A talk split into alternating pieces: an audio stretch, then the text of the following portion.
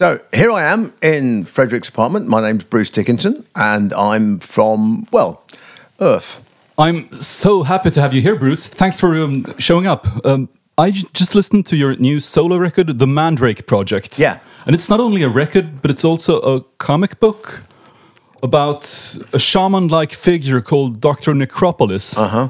What's like the gist of the story? Without giving it away, because it's a three-year project, uh, like with a, uh, twelve episodes and everything. Um, basically, uh, episode one, you discover that there's this project been going on for a few years that's now come to kind of culmi- culmination, um, and it's want to prove the existence of the human soul as a physical entity, and secondly, to store it, to, to capture it and store it, and then do something else with it. Um, so, Dr. Necropolis is part of that project, along with Professor Lazarus, who runs the project. Uh, and quite what Necropolis's role in it becomes apparent as we go through the book. But they both have different ideas and motivations for wanting the project to succeed. Uh, and uh, they both get what they think they want, but it's not what they expect. The Mandrake Project, that title made me think of the Manhattan Project. Uh huh. Yeah. You sort of get this apocalyptic vibe from it. Yeah, a, a little bit. Yeah, and there's you know there's it, it, I, I like like to have the the the idea of this kind of like shadowy organization, a bit of cons- kind of like a semi conspiratorial thing going on, you know, but like big money behind it, you know, and and shadowy figures running it, you know. Also, Mandrake is a root with hallucinogenic effects. Yes, it is. Uh, ve- and- very, very strong hallucinogenic effects. In fact, mandrake root tincture can uh, bring on these very profound uh, uh, uh, hallucinations, uh, but too much of it uh, will actually kill you. It'll stop your heart.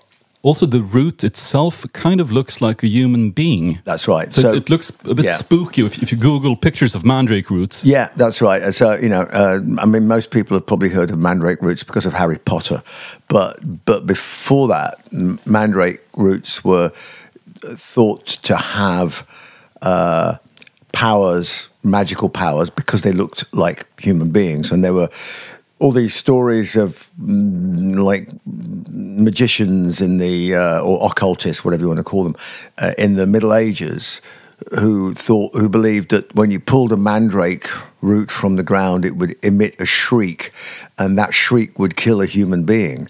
So the idea was that you had to get there's this really funny story about how to get how to pull a mandrake from the ground and it involved uh, putting earplugs in and getting a dog and tying the dog to the mandrake root and then giving the dog a kick up the arse and the dog pulls the root out of the ground and the dog dies and I was like, okay, that's a really, really long, long way round, you know. Have you, for the sake of like research, tried mandrake root tea yourself? No, I haven't. No, I, I actually have to confess, I'm I'm very, I'm very disappointing in terms of uh, mushrooms uh, or anything else like that, uh, or anything that's like vaguely um, hallucinogenic. Because I have quite vivid uh, things go on in my imagination, and I'm always a little bit. I'm frankly a little bit worried of what would happen. So I, I don't need. I don't need to take uh, to take a to take trippy things to take a trip. If you see what I mean. A person called Necropolis was mentioned in the song If Eternity Should Fail. That's on Iron Maiden's Book of Souls album from Uh-huh. Yeah. 2015. And you've re recorded that track uh, and retitled it to Eternity Has Failed Yes, on this yeah. record. Um, so, why did you change the title? And have you been planning this project for so long? Yeah, it sounds like it. It's kind of it's with with with hindsight, you can always look and say, ah, he was secretly planning it all along. And I've actually gone back through some of my records and realized that you know I wasn't secretly planning it, but possibly my subconscious was. Uh, so, um, yeah. So the title. So the back in 2014, I wrote the song "If Eternity Should Fail." The title was going to be the title to what I was intending to be a, a solo album. the title was actually from a Doctor Strange episode from a comic book.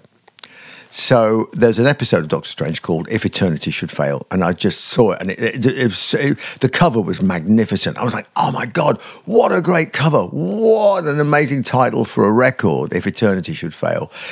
So I wrote this song, and I thought maybe I could do um, some kind of comic with the album. That would be a kind of cool vibe. Uh, but I should do a, like a little mini story or something in there.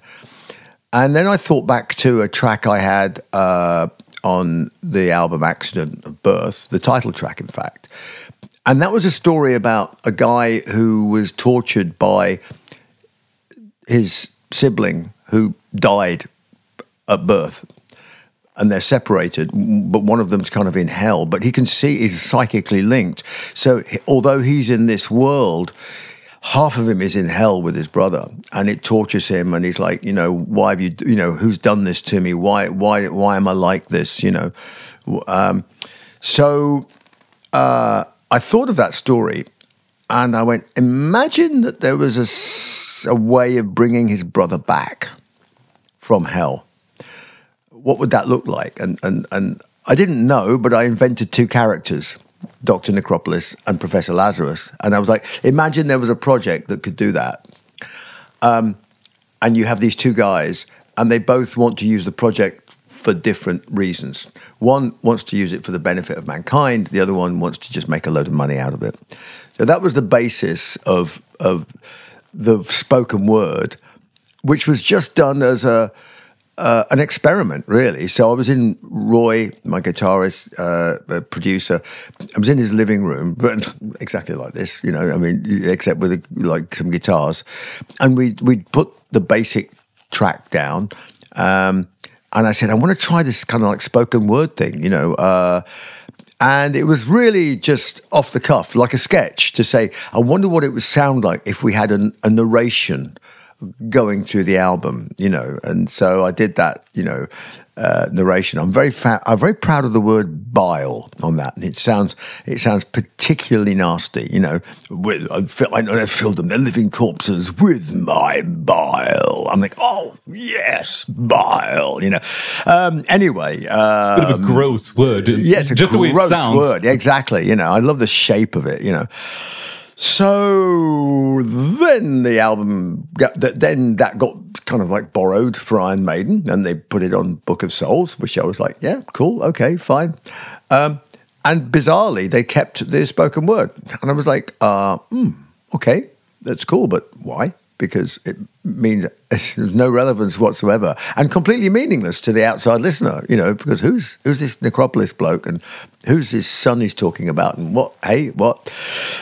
So, fast forward through mm, 2014, 2015, and then throat cancer, and then working like crazy and flying 747s with Iron Maiden, and then COVID, lockdown. We're all locked up, nothing to do. What are you going to think about while you're locked up? And the answer is I did a load of binge watching of Netflix, which I'd never been able to do before because I never had time. And um, I wrote the the script for the um, Iron Maiden video, uh, Writing on the Wall, um, which features the four bikers of the apocalypse, all of them Eddies. And that came because I was watching a show called Sons of Anarchy, um, which is like a, a, a, biker soap opera type thing. Um, uh, unbelievably well written. Um, a guy called Kurt Sutter was the author. And via a roundabout route, via a friend of mine called Sacha, Gervasi, who's a Hollywood scriptwriter, we were doing Zoom calls because it's all you could do, um, just chatting and about writing and telling stories to each other. And I mentioned uh, Sons of Anarchy and Kurt, and he went, "Oh, Kurt's a mate of mine. Let's have a Zoom together." So we had every couple of weeks, we'd have a couple of hours of just telling stories between three writers of of, of things. And I'd started to develop the idea of the comic because um, I had nothing else to do, and I thought, oh, well, let me let me see where you go, where we could go with this, and I changed the story around quite a bit, and I put uh, I combined some elements in, in Necropolis. So he, he's really quite a, a disturbed figure uh, and therefore quite interesting. Uh, and then I started to populate a whole universe around him. So, you know, he's an orphan. He doesn't know where he comes from. He has some powers, but he doesn't know why he has them. And he also can't control them. Um, but he also happens to be a genius. So he has abilities, like intellectual abilities, and he's essential to the Mandrake Project. And you find out why as you go through the story. Uh, but then who are the other people? And, and, and, why are they why are they doing it? What are their motivations? And and so you build up this family kind of twisted family. And then i went well what's the backstory? Where did their family come from? What, how did this whole thing start? Where did it start? Why did it start? So i created i was basically world building. And um, when i built the world i, I was on a Zoom with with Kurt and Sacha, and I said, "Kurt, mate, I've got this crazy idea. I'm going to run it past you." And I told him the idea, and he went, "Yeah, that's a really good idea." I mean, honestly, he went, "Yeah, it's a really good idea. No bullshit. It's a really good idea. Go with, go go for it." I went, "How?" I mean, you know, what do I do? I mean, what, I'm going to write a script and send it to Netflix. He goes, no, don't do that. He said because they'll just ignore it. Uh, he said you should do a comic. I went, I, said, I was thinking of doing a comic. He said, absolutely do a comic. He said, here's how comics work. He said, it's four comics is one book. And then I went, okay. I said, I don't know how many comics this would be. And maybe, maybe, maybe, I was thinking of like two, but maybe, yeah, maybe four. Ah, it's 12. so by the time I started to write a synopsis of every episode, I was like, oh my God, we can't do this in one, two, three, four. Oh, what happens at comic four? Oh, wow. Now we're into, ooh, hit your microphone. Now we're into book two. Now we're into book three. So it becomes uh, a 12 episode thing. And suddenly I'm thinking, this is kind of like Watchmen, you know, that sort of vibe. So I'm really quite excited about all this. and, uh, and I didn't know what, where to go with it. So, and I was doing the thinking of, of, of I'm, I'm, at this point, I'm, I'm thinking of doing the album after lockdown. As soon as lockdown gets done, I'm going to go to America. I'm going to do the things I wanted to do that I couldn't do for all those years, uh, and uh, start writing with Roy, and, and and let's get this, get it done, you know. Um, but I went there with this comic idea, pretty fully formed, and I didn't realize but the comic company that Kurt suggested I talk to, Z2, was a company that Maiden were already working with for their 40th anniversary of Piece of Mind book, which is amazing, by the way. It's really, really cool.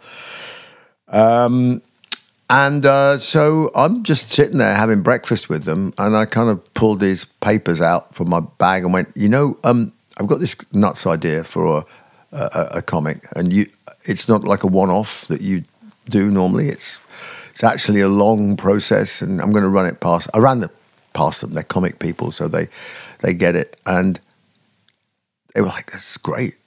I mean, that's really. Uh, have you got the characters? I went, "Oh my god! Look, look! Here's the, the character sketches. Look, here's the backstory. Here's." It. They went, "Oh, wow! Hang on a minute. We'll hook you up with somebody to do the script." So that's Tony Lee. Tony Lee is like Eisner Award winner and everything, and, and he's worked with loads of people. Staz Johnson is doing the the art for the actual comic, and he, he's amazing as well. Um, and um, Bill Sienkiewicz came on board, and we had a Zoom with Bill because um, he's kind of a list. Yeah, he's famous for his Elektra comics that he made yeah. in the 80s. And yeah. Uh, and did Batman as well? I think. Yeah, he's I mean, done everything. He's just done everything, you know. And um, so I, I thought, you know, this is a guy who's uh, uh, is, this is a proper artist. There's no point in trying to say, "Oh, you should do this because you can make some money," because he's not interested. So I just told him what the project was, and I told him what the philosophy behind it was. Because by now I'd developed a kind of, in the same way that Watchmen has a philosophy running through it, you, you don't find out until like the last two or three episodes. It, you know, the the whole thing about Doctor Manhattan, free will, and you know, are we ever really free uh, to do what we want? Uh, and, and therefore, does it does it matter? You know. Ryan Reynolds here from Mint Mobile. With the price of just about everything going up during inflation, we thought we'd bring our prices down. So to help us, we brought in a reverse auctioneer, which is apparently a thing. Mint Mobile unlimited premium wireless. Have to get 30, 30, bit to get 30, bit to get 20, 20, 20, bit to get 20, 20, bit to get 15, 15, 15, 15 just 15 bucks a month. So, Give it a try at mintmobile.com slash switch. $45 upfront for three months plus taxes and fees. Promo rate for new customers for limited time. Unlimited more than 40 gigabytes per month. Slows. Full terms at mintmobile.com. Hey there, it's Michelle Norris. I'm host of a podcast called Your Mama's Kitchen. When I travel, I'm usually looking for a way to find a taste of home when I'm not at home. And one of the things I love to do when I am at home is entertain. And Airbnb allows me to do that. When I was in California recently, I rented a house that had a great kitchen. And when we were sitting around the table, we're all thinking, we're in someone else's house. Someone could be in all of our homes as well. If you have a home, but you're not always at home, you have an Airbnb. Your home might be worth more than you think. Find out how much at airbnb.com/slash host. Quality sleep is essential. That's why the Sleep Number Smart Bed is designed for your ever evolving sleep needs. Need a bed that's firmer or softer on either side? Helps you sleep at a comfortable temperature? Sleep Number Smart Beds let you individualize your comfort so you sleep better together. JD Power ranks Sleep Number number 1 in customer satisfaction with mattresses purchased in-store. And now, save 50% on the Sleep Number limited edition Smart Bed for a limited time. For JD Power 2023 award information, visit jdpower.com/awards. Only at a Sleep Number store or sleepnumber.com. Uh so, um, in the same way that there's a philosophy to, to, to, to Watchmen, I'd kind of started to develop a philosophy for Mandrake Project. And uh, I shared it with Bill, and he was like, I'm in. and I was just like, I'm so pleased. And his cover is, is magnificent. Um, and we bounced a few ideas around. And uh, uh, so he's, he's, he's in for all 12 episodes, which is great. If you're leaving, close the door. I'm not expecting people anymore. Hear me grieving, lying on the floor. Whether I'm drunk or dead, I really ain't too. Well, this is a this is actually a B side on a a, a a purple single. I can't remember what the what the A side was in the days when we had A sides and B sides, um, and it's just got this most haunting, beautiful vocal, um, and this lovely lyrical guitar solo, and that's it. When a blind man cries. Yeah.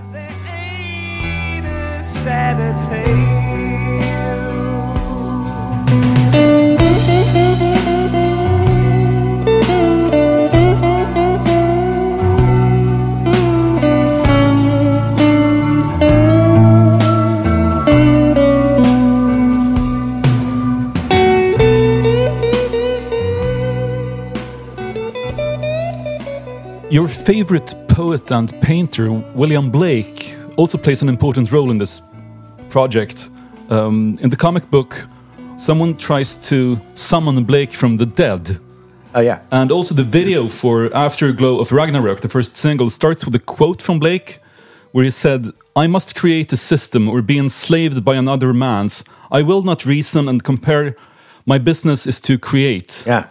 Um, you quoted those words when you gave a speech uh, as they presented the new gravestone for William Blake in London back in Yes. 2018. I, I have a piece of it. They sent me a piece of the gravestone. They did? Yeah, yeah. They're- they're- well, not of the actual, the, not the one that's on, uh, but, but the stone that they cut the grave from. they they sent me a, a I I have a little chunk of it, you know, at home. It's great. What did the, those words mean to you? I must create a system. Well, what is or must create a system or be enslaved by another man's? I mean, it's. I mean, Blake was the ultimate bullshit rebellious artist. I just do. I do my thing. It's my art. You can't push me around. Um, another guy I like was the character uh, invented by Patrick McGoohan as the prisoner. Uh, number six, you know, I would, I would not be pushed, filed, stamped. I'm not a number, I'm a free man. Yeah, I would not be pushed, filed, stamped, briefed, debriefed, or numbered. My life is my own, and um, I that resonates. The Prisoner, which of course also is a maiden song. Uh, it was also a maiden song, yeah, uh, and, and that kind of resonates with me. And I like Blake because he was so uncompromising. Um, he, yeah, I mean, he, he kind of messed himself up because you know, in the end, he uh, he wasn't he wasn't regarded as being commercial back when he was an artist. Um, there's a famous uh, letter he wrote, um, which is, again is one of the best put downs uh, I've ever heard. Um, uh, his kind of manager uh, was always trying to get commissions to make him some money, basically. And um, he got a commission from some country uh, vicar. To, could you could you do the seven deadly sins for me? I'm thinking, wow, okay, you're not quite sure who you're asking to do the seven deadly sins here. So Blake got as far as like the first two or three sin, deadly sins, his version of them, and sent it off to the the vicar, and the vicar came back absolutely horrified, going, "My God, what's this? This is like this is blasphemy. This is obscene. This is blah blah blah. What does it all mean?" And Blake wrote a letter back saying, "Dear sir, that which is comprehensible to an idiot is not worth my care." and I was just like, "Yes, who has not wanted to say that to some?"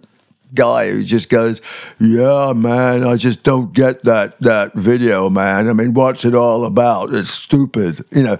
And it's just like, "Yeah, you're an idiot," you know. You've referenced William Blake before plenty of times. I, and you know there are quite many references to him in popular culture. I discovered him through Thomas Harris's book Red Dragon. Yes. about well the, the book that came before The Silence of the Lambs, where Yeah. the serial killer is obsessed with Blake Yeah. and actually eats one of his prints. Yeah, um, yeah. Then well, I, th- I think there's a William Blake quote in Blade Runner, or Oh, Rutger Hauer almost quoted it. he's all over the place. I mean, you know the the the Doors, wh- which the band, the Doors. The Doors of Perception. It's the Blake. Oh yes, um, that's true. I actually bought that book. That's uh, Aldous Huxley, right? Yeah, it's a Yeah. Blake. That's Blake quote. Um, but uh, and sometimes I've, I've wondered whether the Dio song "Holy Diver," where, where Ronnie James Dio sings about the stripes of a tiger, if that might have something to do with Tiger, tiger, burning tiger, bright in the tiger, yes, of the night. Yeah, which you quote yeah. in your comic book. Uh, yeah, yeah. He, he um, we've got uh, the. I mean, the first half of episode one is is out because uh, I, I I did a, a special comic for Comic Con in, in in Brazil to when I launched the the video. So in it, you know, our character Doctor Necropolis is in graves is in. Uh, Blake's graveyard, Bunhill Fields in, in London. Um, and funnily enough, the opening scene at the Artillery Arms, I was just like, I was in that pub having a pint after we rededicated Blake's grave. And that was a brilliant day because we had like 500 of the most eccentric people in London all gathered in this graveyard singing. You know, uh, no amplification, no no no music, no battery powered anything allowed.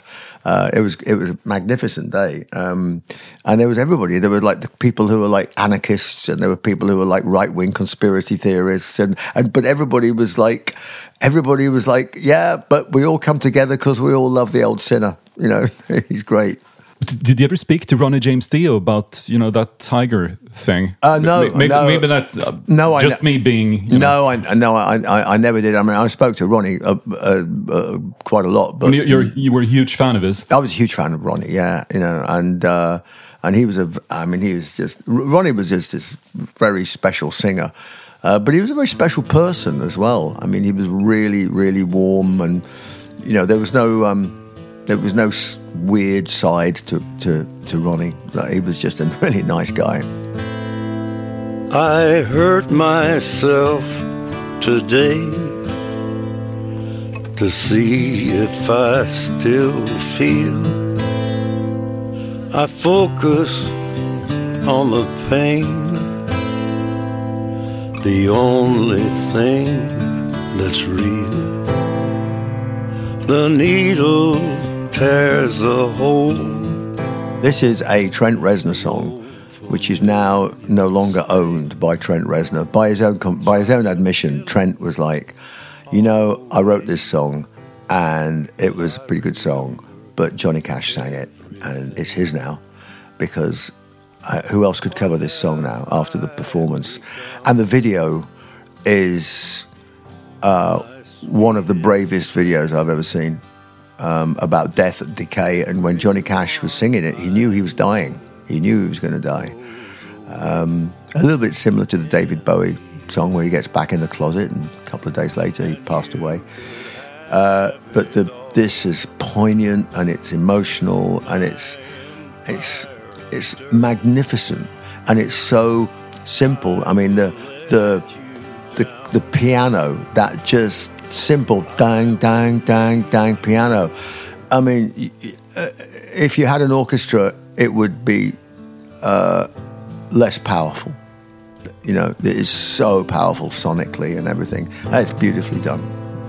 I wear this crown of thorns upon my liar's chair, full of broken thoughts I cannot repair. Beneath the stains of time.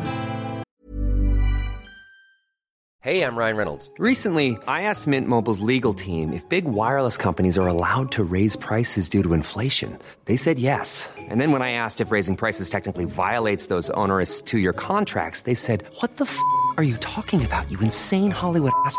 So to recap, we're cutting the price of Mint Unlimited from $30 a month to just $15 a month. Give it a try at mintmobile.com slash switch. $45 upfront for three months plus taxes and fees. Promo for new customers for limited time. Unlimited more than 40 gigabytes per month. Slows. Full terms at mintmobile.com.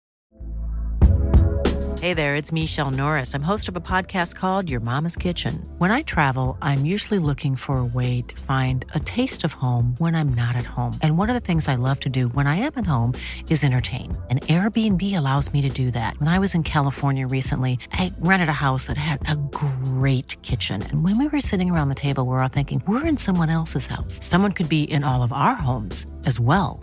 If you have a home, but you're not always at home, you have an Airbnb. Your home might be worth more than you think. Find out how much at airbnb.com/slash host. Quality sleep is essential. That's why the Sleep Number Smart Bed is designed for your ever evolving sleep needs. Need a bed that's firmer or softer on either side? Helps you sleep at a comfortable temperature? Sleep Number Smart Beds let you individualize your comfort so you sleep better together. JD Power ranks Sleep Number number 1 in customer satisfaction with mattresses purchased in-store. And now, save 50% on the Sleep Number limited edition Smart Bed for a limited time. For JD Power 2023 award information, visit jdpower.com/awards. Only at a Sleep Number store or sleepnumber.com. You actually met Johnny Cash once, I think. I did meet him once. I did, yeah, and he he, he was every inch the legend. You know, He- he was very tall. Oh, it's yeah, very tall. Well, uh, I mean, uh, relative to me, everybody's very tall. but I mean, you know, you know. Uh, But he, he was the one who walked up to you, right? Yeah, well, yeah, we were doing a sound check um, back in the eighties, uh, early nineties, maybe or something, and. Um, uh, yeah, there were these bunch of old guys. Like, well, I say old guys. I mean, I, I, they were the same age as I am now. sitting at the back uh, of the uh, the Maple Leaf Gardens in Toronto, which has now been knocked down. Uh, and we were doing a sound check, and I thought, oh, I wonder who those old guys are. And it was his band. Uh, so they were just watching our sound check. And then I'm backstage amongst all this ice hockey stuff and old goalkeeper nets and things. And uh, I'm about to go back to the hotel. And the guy goes, Johnny Cash would like to meet you. And there he is. And he was all dressed properly in black. And he had these thigh length cowboy boots, like, like cavalry type boots, and a big black hat.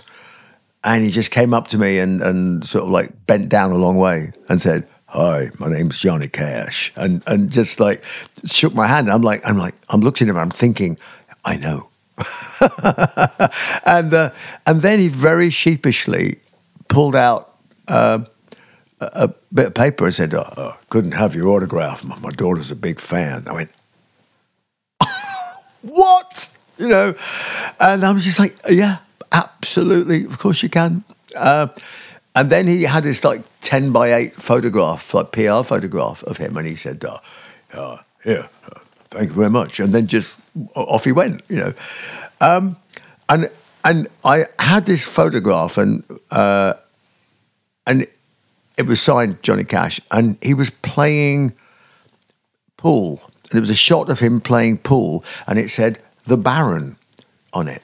And I've always wondered why, why him playing pool, why the Baron? All these years, So he, he signed it as the Baron. no, no, he signed. He signed it and then it said the Baron over The it. Baron was printed on it. Oh. it's a publicity photograph, a glossy photo, ten by eight shot. So I was years. I thought, why? Why is it? Why the Baron? And and why is he playing pool? And uh, you know. So years later, actually about two or three years ago, I was in Nashville, and I was doing a spoken word show. So I was doing my one man show, and I was in Nashville. I was on tour. I was doing like a load of American shows. Just just after it was still kind of during COVID, so it was a bit weird. But I'm in in Nashville where they didn't care about that sort of thing. So, so we're going out to bars and seeing bands, and and the Johnny Cash Museum is there. And um, I recommend if you're going to Nashville, um, I think it was about 25 bucks to get in. Uh, it is a $25 well spent. It was a brilliant experience, a brilliant museum. I- There's all his guitars are there, his amplifiers, and the story of his life is amazing. So the cur- the kind of the guy in the gift shop is obviously a big Johnny Cash fan. He like curates the museum, I guess, or one of them. And I said, "Yeah, I, I, met Johnny Cash once, and uh, I, I got to tell you, uh, he gave me this photograph, and I never figured out why." And he goes, "What year was that?" I said, "Oh." And maybe it was like the early 90s. Is it? Ah, yes. That's when he was shooting a movie. Um, I went, and with the hat, he goes, Yep, he was shooting a movie back then in Canada. And that's why it was the Baron, and that's why. So it was a publicity shot from the movie he was shooting. I'm like, mystery explained. But here's a great bit of trivia about Johnny Cash. So um, Johnny Cash did his like military service in, in the Air Force. Um, so he, he joined the U.S. Air Force, and uh, he was in um, signals. So you had to be pretty smart to be in signals back then because it was all dealing with different radio frequencies, and he had to learn Morse code uh, fluently. So he was. Uh, uh, then he was sent to Europe, and he was actually eavesdropping in Morse code in Russian and German. So they were transmitting Morse in Russian and German language, and he was listening in on the transmissions and translating. It's amazing. I would never imagine Johnny Cash to have had those, you know, that kind of experience. He was a That's- really smart guy, and he, and after three years, he was a sergeant in the Air Force. That's a huge promotion. I mean, you, he was a smart, smart guy, and um, Johnny Cash discovered the death of Stalin. Really? He was the guy that intercepted the signal traffic that Stalin was dead and translated it. How cool is that? and I, and that cost me twenty five dollars to go in, in the Johnny Cash Museum, and I'm I'm like, wow, I never knew that.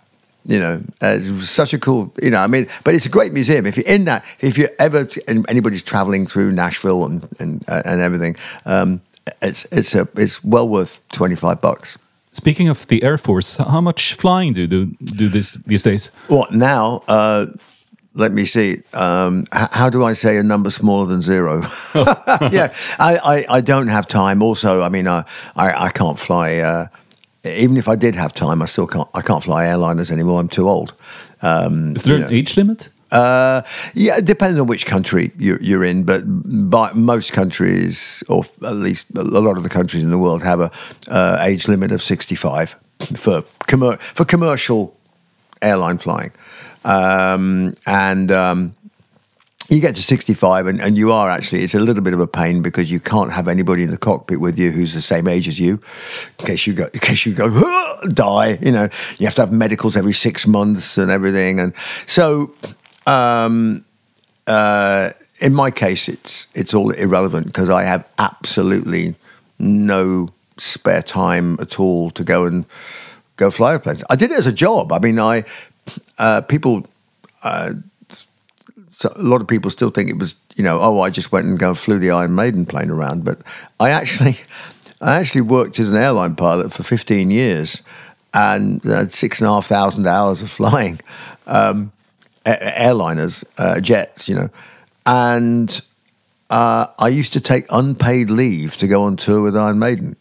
I'd have to ask the company for permission. I mean, they they, they- gave it to me. They didn't mind. You know, it was, was like because I had two months holiday, and then I had one month's unpaid leave, and that was the Iron Maiden tour. But did you get that job because you needed the money, or was it more like you wanted the experience that you wanted to I do I, that as well with your life? I I I wanted I wanted the experience, um, but unfortunately, it's not a job that you can just go. Oh, I fancy having that experience because um, it's one. It's a it's a pretty responsible, important job, but also because there's an awful lot of people want that job. So you've got to compete with everybody else that's desperately trying to get that job. So I kind of worked my way in, and um, then started at the bottom and worked my way up to being a you know a, a junior first officer then a first officer and then I was an instructor. And I, I was this I was the technical pilot for 757 and 737 fleet. So I was teaching how they worked you know um, which I kind of enjoyed actually. Uh, and then I was a captain and uh, um, then the airline went broke, uh, 2011, and then I, I started my own airline, which was madness. Uh, and so I shut that one down after about three or four years. But we did some crazy stuff. We were operating in Djibouti in East Africa um, and, and Albania. I mean, it was insane, but yeah, I don't do that anymore now. You mentioned in the speech that you gave about William Blake um, at his um, gravestone that you once felt like Nebuchadnezzar, the mad king in William Blake's painting, who lost his yeah. mind through hubris. Yeah. When you once got really drunk and crawled down this hotel corridor. Yeah, in And you, you in just imagine that, wow, this is, I, I look just like Nebuchadnezzar, the mad king right now. Yeah, yes. uh, Well, who imagines he's turning into a beast? Turn, you know, and and yeah. So that shot of Nebuchadnezzar um, was like burned into my brain. It was the centerfold of an album by a band called Atomic Rooster, um, and the uh, the the the album was called uh, I think it was I think it was called Death Walks Behind You. um, And uh, so I was kind of into that picture. And I was like, wow. And I, I, I was a kid and I was like 14, 15. I, I had no idea it was Blake. But it's kind of art like that with some people resonates with you and it just like pervades your whole being. And I just remember that shot. And I was crawling down a hotel corridor in, in on the Number of the Beast tour in Japan at the end of an incredible year. So we'd had a number one album. I'd just joined Iron Maiden. I'd toured America. I'd never been there before. I'd toured all these countries. I'd never been to any of them before. And now I'm in Japan. How? And it was like before I'm, going home the next day. I was like really drunk, and I'm crawling on my hands and knees, and I'm looking for stealing bread rolls off uh, um, off room service trays that people have left outside the door because I'm hungry. I've got the munchies, and I caught sight of myself in like this mirror, and I was on my, and it was exactly the pose of Nebuchadnezzar, and I'm looking back at myself, going, "What are you turning into?" And I went, "I don't want to turn into that monster." So I made a decision that I was going to. Uh, not turn into that monster on, on, on you know the, you know because it's easy to slide down into that kind of world of uh, you know uh, either uh, you know drinking yourself stupid or or taking drugs and doing similar things uh, and I thought I used to have a brain once I'm going to try and reinstate my brain It's really interesting that William Blake made you drink less because I know so many people who like to quote Blake when they get completely wasted. You know that line, um, "The road of excess leads to the palace of wisdom." Yeah, yeah, yeah, yeah. Well, you see, Blake was um, for me. Uh, Blake was um, quite probably uh, quite into some of the like occult things as well. He was uh, so a lot of the people who were interested in things like alchemy and stuff like that. Um, everybody thought that you know alchemists were all about turning base metals into gold. Well, that was the cover story. Um, what they were actually about was looking for uh, kind of the, the, the secret of the secret of the soul. You know, uh, you, some kind of ceremony substance that might might basically be the the the the the basic material of of mankind, the basic spiritual material of mankind. That's what they were looking for. Um, so when Blake says the road of excess leads to the palace of wisdom, it doesn't mean what it what you think it means on the surface. On eternity has failed. You saying about the eternal blackness beyond the stars. Yeah, it's, yeah, a, it's yeah. a line that reminds me of H.P. Lovecraft, or Yeah. it's even like something that a black metal band would, would sing. Yeah. Uh, I was thinking. I know that you're not a Satanist at all, but have No, you- not- have, not have, have you, have you ever like wanted to explore the occult in a more profound way than just as entertainment? Um, yeah, but I don't have the patience. I, I mean, I mean, I, I, I honestly, I mean, I was, uh, you know, I, I when I was like in my like th- 14, 15 or something, I was like that, and I was, uh, um, I read a book called um, Magic, an occult primer by a guy called David Conway. I actually bought it again recently to read because it was a new edition, like the 50th anniversary of it. So I went, oh, my, I'll read that because I read that when I was like 14. And um, I reread it again and it wasn't nearly as interesting this time. Um, yeah, but, but, you know, I did try and I did try astral traveling. Never worked. I used to fall asleep. I, I, I, like, I, I do. I, I don't really need to do all this stuff to, to, to, to travel in, in dreams and space and time. You know, uh, I can imagine it. Leaves are falling all around. Time I was on my way. Thanks to you, I'm much obliged. Such a pleasant stay. I loved uh, the kind of pagan element of Led Zeppelin, um, the folky sort of stuff, and for me, this this song epitomizes it.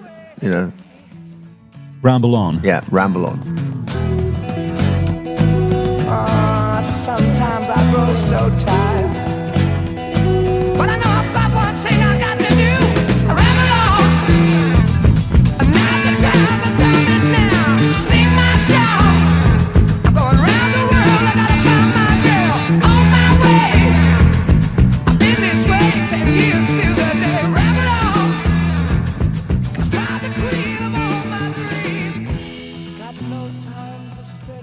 I was wondering if there are any musical ideas that you feel more free to explore as a solo artist than, than when you work with Maiden.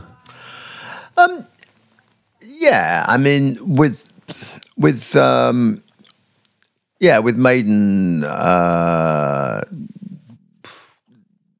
there are certain things I'd sort of go, well, that that's probably not going to that would idea might not work. With Maiden, Maiden has a style, and if you do something which is going to be too far out of that style, it's never going to work. You're going to get people raising their eyebrows, going, mm, "I don't know about mm, like that." So I kind of, I have a sort of uh, uh, artistic radar that says, I, I think probably this is not this is this pro- this idea would probably not work for them.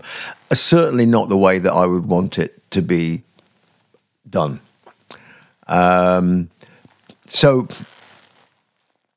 apropos of that, uh, when if eternity has should fail turned into eternity has failed, and I redid that song, you can see how I changed it from the demo version, which somebody somewhere will post one day because it's on the the the B, the B side of the the single Afterglow of Ragnarok. Um, but if you listen to that, that's the original demo. Um, and uh, I brought the song more back to that. Um, it's similar. I mean, the, the, the, notes are the same, but the feel is is is subtly different.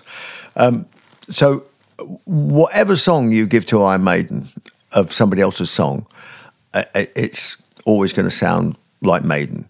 You know, like like if you did "Paint It Black" by the Rolling Stones, it would it would sound like oh, oh it's Iron Maiden doing it. So we would give it that kind of spiky feel that Maiden have, and and it's it's just when we all get together, we sound like Maiden. Um, in that sense, it is similar to the Rolling Stones. They sound like the Rolling Stones.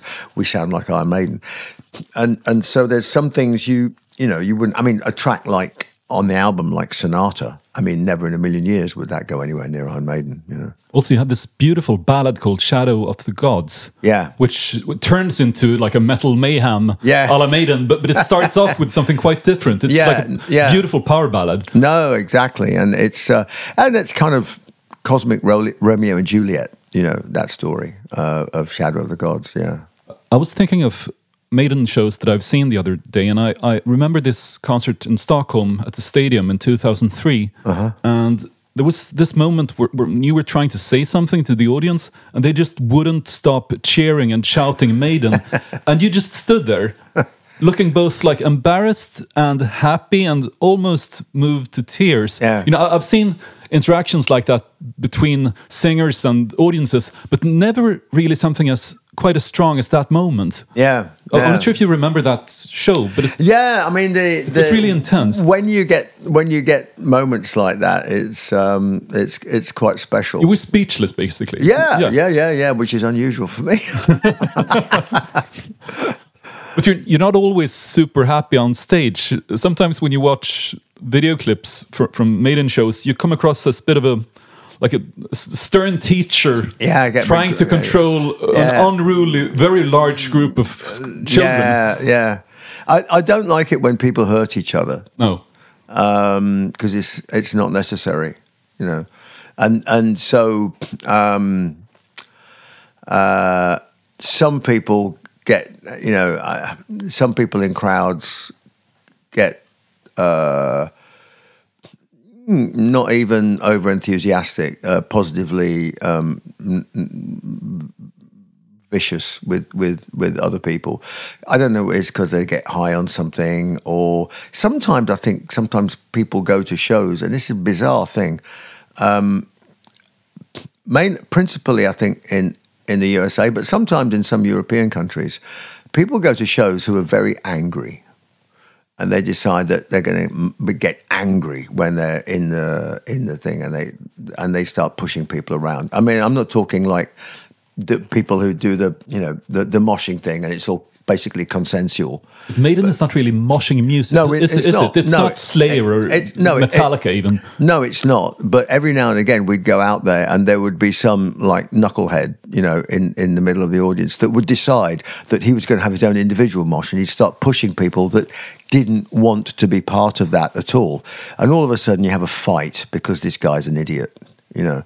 Uh, and I don't like that. Um, and I also, you know, I mean, I, I got into trouble for in in got into trouble in Greece for you know I shouldn't have said what I said, uh, but I was just like, So what did they do in Greece? well, we were we were we were doing this stadium, and you know I'm trying to sing, and all these idiots were lighting these big like naval distress flares.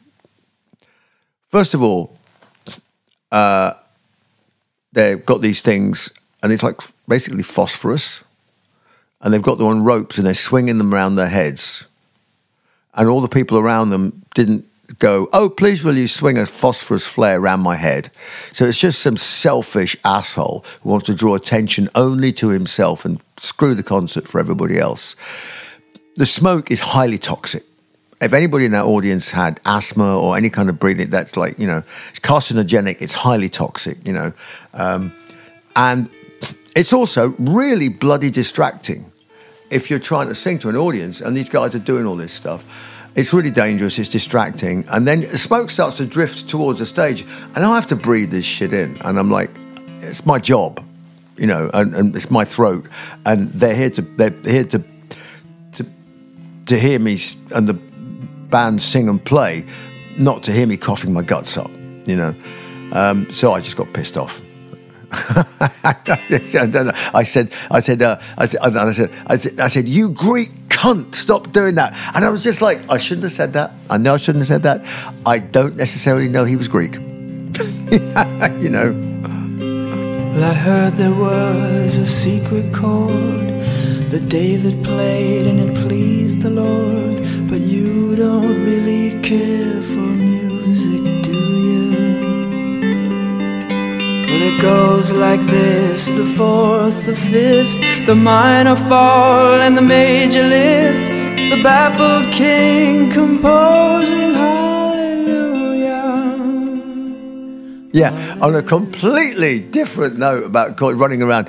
So um, this is uh, uh, for me one of the a, a, a, beautiful song written by Leonard Cohen. Uh, Leonard Cohen's version is uh, phenomenal, uh, but this Jeff Buckley version is just is just sublime. You know. Well, your faith was strong, but you needed proof.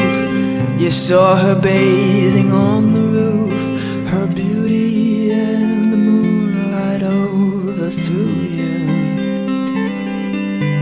she tied you to her kitchen chair, and she broke your throne, and she cut your hair, and from your lips she drew the hallelujah.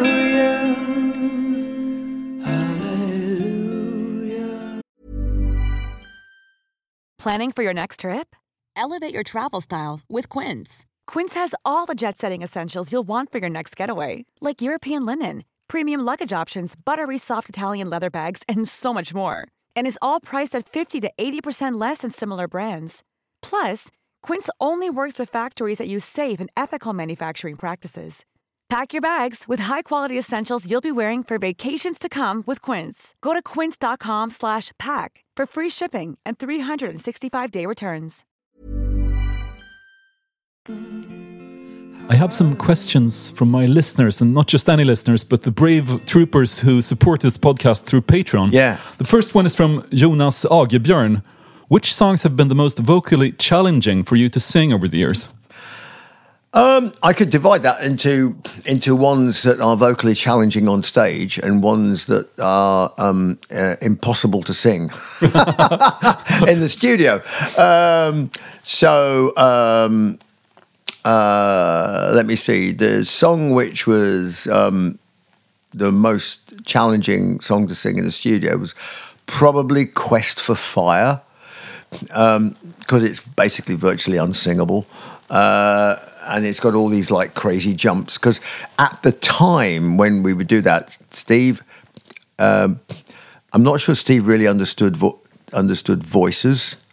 Um, and uh, we do songs in weird keys that that, that I was like, uh, but but you have to do ridiculous things to your voice to make that work. So when we did a cover of Jethro Tull's "Cross-Eyed Mary," for example, uh, we never rehearsed it, so we didn't really realize that Ian Anderson's voice is. They did it in the original key. But Ian Anderson's voice is much lower than mine. So when I sing that song, uh, it doesn't sound uh, uh, particularly powerful. In order for me to get some horsepower out of my voice, I had to take it up an octave. I was just like, holy crap, you know, like somebody put my nuts in a vice so I can sing this song, you know. Uh, so we, we're a bit more, uh, when we write songs now, we, we do kind of try them out. a little bit, you know. Uh, it might seem weird, but we we didn't back in the day. Um, I mean, songs that are challenging to sing are um, obviously songs like uh, you know "Run to the Hills" and things like that. Uh, um, "Aces High" is really challenging to sing. Um, uh, and a lot of that is because you, you do stuff in the studio that's just like, well, I'm not sure we can necessarily pull that off live. Sometimes, I mean, I get, you know, I'm like 80, 90% on, on Aces High. It, it depends on the day and it depends how fast Nicko decides to play it, you know. And here's a question from Sebastian Elfors. I was at the concert at, in Stockholm in 1986 when Maiden was touring with the with the Somewhere on Tour tour. Um, Yeah. I brought a rubber skeleton to the concert and threw it up on stage. You picked it up and played around with it. I was so proud and happy that the toy ended up like that. Do you remember that? Um, I, I believe, uh, you know what? I don't, but I think I might do actually. Now, now you've come to mention it. You know, uh, playing with a rubber skeleton. Yeah, that sounds great. Sounds good fun. Finally, a question from Niels Seder. How often does someone shout more cowbell at you? Um, He's referencing, of course, Yeah, to the, know. the Yeah, famous yeah, SNL no, the- sketch no, with the Christopher Walken as the famous record producer Bruce, Bruce Dickinson. Dickinson, absolutely, more cowbell. So, not very often, but I will share this this this bizarre story. So, when uh, we played Seattle and we were flying the 747 around, the guy that is in charge of the production line for the Boeing 747 and the Boeing 767, his name is Bruce Dickinson. It really is. So I got to know this guy, uh, and he said, Would you pay a visit to the factory where we make the Boeings? Uh, so then we were flying a 747. He said, Would you land the airplane at the factory and we'll have a big water cannon salute for it? Because that's where the plane was born, basically. And then uh, go and have a talk to the employees. Uh, I went, wow, that's like, that's a, I've never, that's a, that's a, that's an honor. Okay. So we loaded up the, the, the, the plane um, with the, the, the, the equipment and the crew and everybody. And it was like a little short flight from Seattle to Renton, where the, the Boeing production line is. So I, I flew the airplane there, landed it. I got off, and then another pilot flew off in the airplane and, and they went to Denver or something else like that. But I was going to go by regular schedule the next day. And then, then I went to the the, uh, uh, the, the, the, the the plant and they'd shut the production down for, for an hour. So I could have a chat with the you know, the employees about, and there was like four, 500 people there. And all of them were given a cowbell. a cer- there was a ceremonial Boeing cowbell, and it actually has Boeing on it and everything else like that, and more cowbell. I mean, and they're all going ding, ding, ding, ding, ding, ding, ding, ding. Like, you know, I mean, uh, uh it's hilarious. Why was that? Was it were they referencing the, like the sketch as well? Yeah, was, yeah, oh, okay, yeah, yeah. That's more insane. cowbell.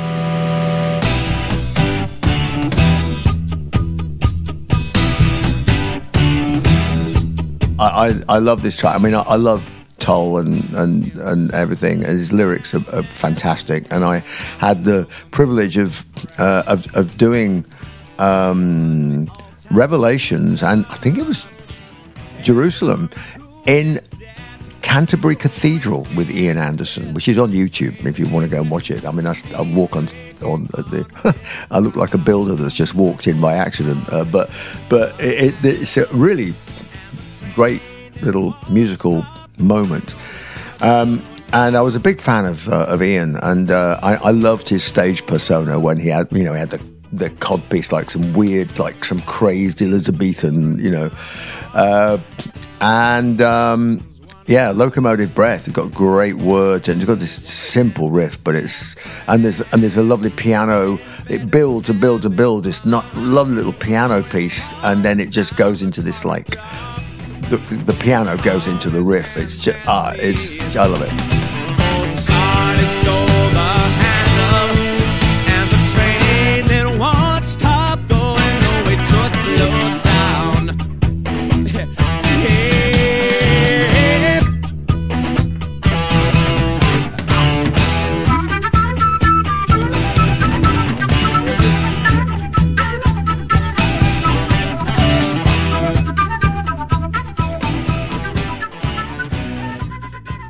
How long do you think that you will keep going with Maiden?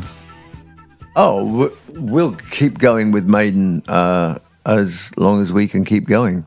I remember this, this interview back in 2003 that you, where you said that well we'll keep going for another five years at, at tops you know nothing Yeah. and yeah, you were 44 years old then Yeah, I mean, I think as we get older, um, uh, uh, and uh, approach the age where you sort of going, oh, man, we're really old now. You know, um, there's even more incentive not to stop because you go, well, why would you? You know, come on. What do we what do we get to do at, at, at our age? You know, we're either going to sit sit in the park, you know, drinking cans of special brew, or we, we're going to go out on the road and, and, and, and run around in front of thousands of people. As long as we can still do it without, um, well, as long as we can still do it, basically. You know, it's quite amazing because your kind of music is very physically Yeah. demanding to No, perform yeah, it is. I yeah. mean your, your, your voice is uh, you know you really yeah. use your vocal cords to the yeah, max It's- yeah, yeah, yeah, yeah. I mean, well, it's it's vocal cords and everything else. You're using your whole body to sing with, you know. So it's uh, yeah. would you follow like ABBA's and Kiss's example and reinvent yourself as digital avatars I'm not crazy about being an avatar, you know, um, and uh, uh, yeah, I'm, I'm not sure how you would ever turn Maiden into an. A bit of a travesty of what we do. Um, the whole thing about Maiden is it's not a band you watch; it's a band you participate in. You know. Gene Simmons said something about their digital copies that will start touring within the next few years. That we can be forever young and forever iconic. The technology is going to make Paul jump higher than he's ever done before. Could could technology make you jump higher than ever before as well? Oh, that is so silly, isn't it? It really is. Uh, yeah, uh, uh, that that would be uh, that would be magnificently ludicrous. In May, June, and July this year, you will go on tour with the Mandrake Project.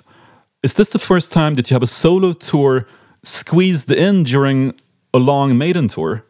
Because um, you haven't finished the Future Past tour with Maiden yet. No, I mean, I, I rejoined, we rejoined Maiden uh, end of August. So I've got, and we've got a couple of weeks of, of rehearsals. Uh, but um, actually, the, the, the solo uh, tour finishes like the 21st of July or something like that.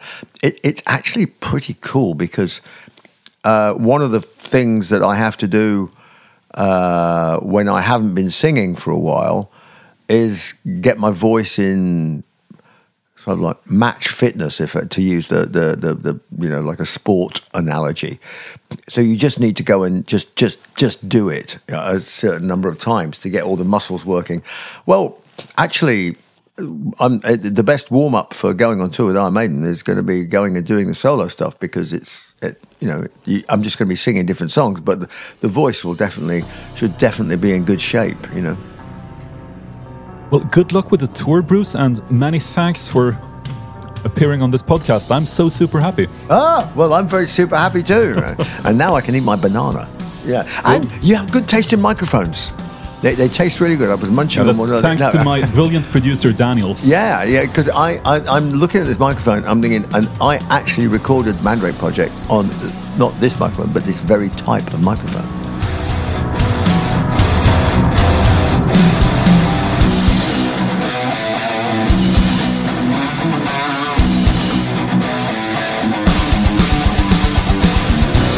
Den här podcasten producerades av Daniel Bäckström för Leon Media. Bruce Dickinson var hemma hos Drage.